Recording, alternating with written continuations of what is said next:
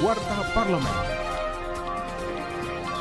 Bersama saya Doda Vinci Zakti, inilah Warta Parlemen.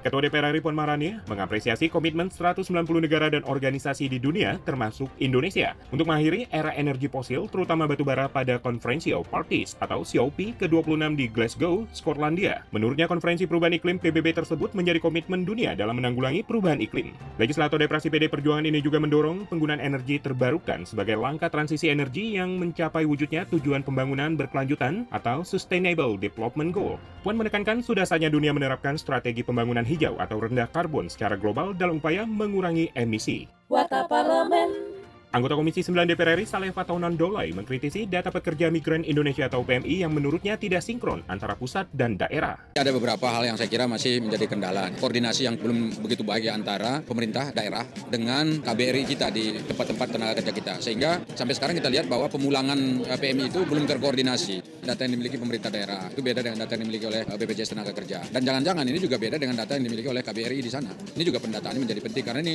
urat nadi dari seluruh persoalan. Jadi kalau datanya benar, benar, penanganannya bisa benar, anggarannya juga akan bisa benar, dan juga penanganan mereka pasca sampai di Indonesia juga benar. Kinerja Wakil Rakyat simak di media sosial DPR RI.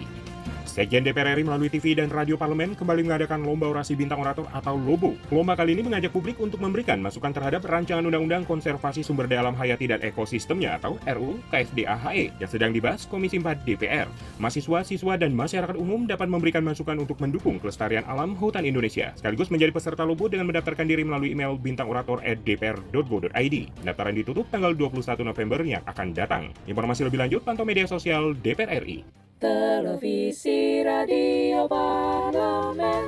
Demikian Warta Parlemen, Produksi TV dan Radio Parlemen, Biro Pemberitaan Parlemen, Sejen DPR RI.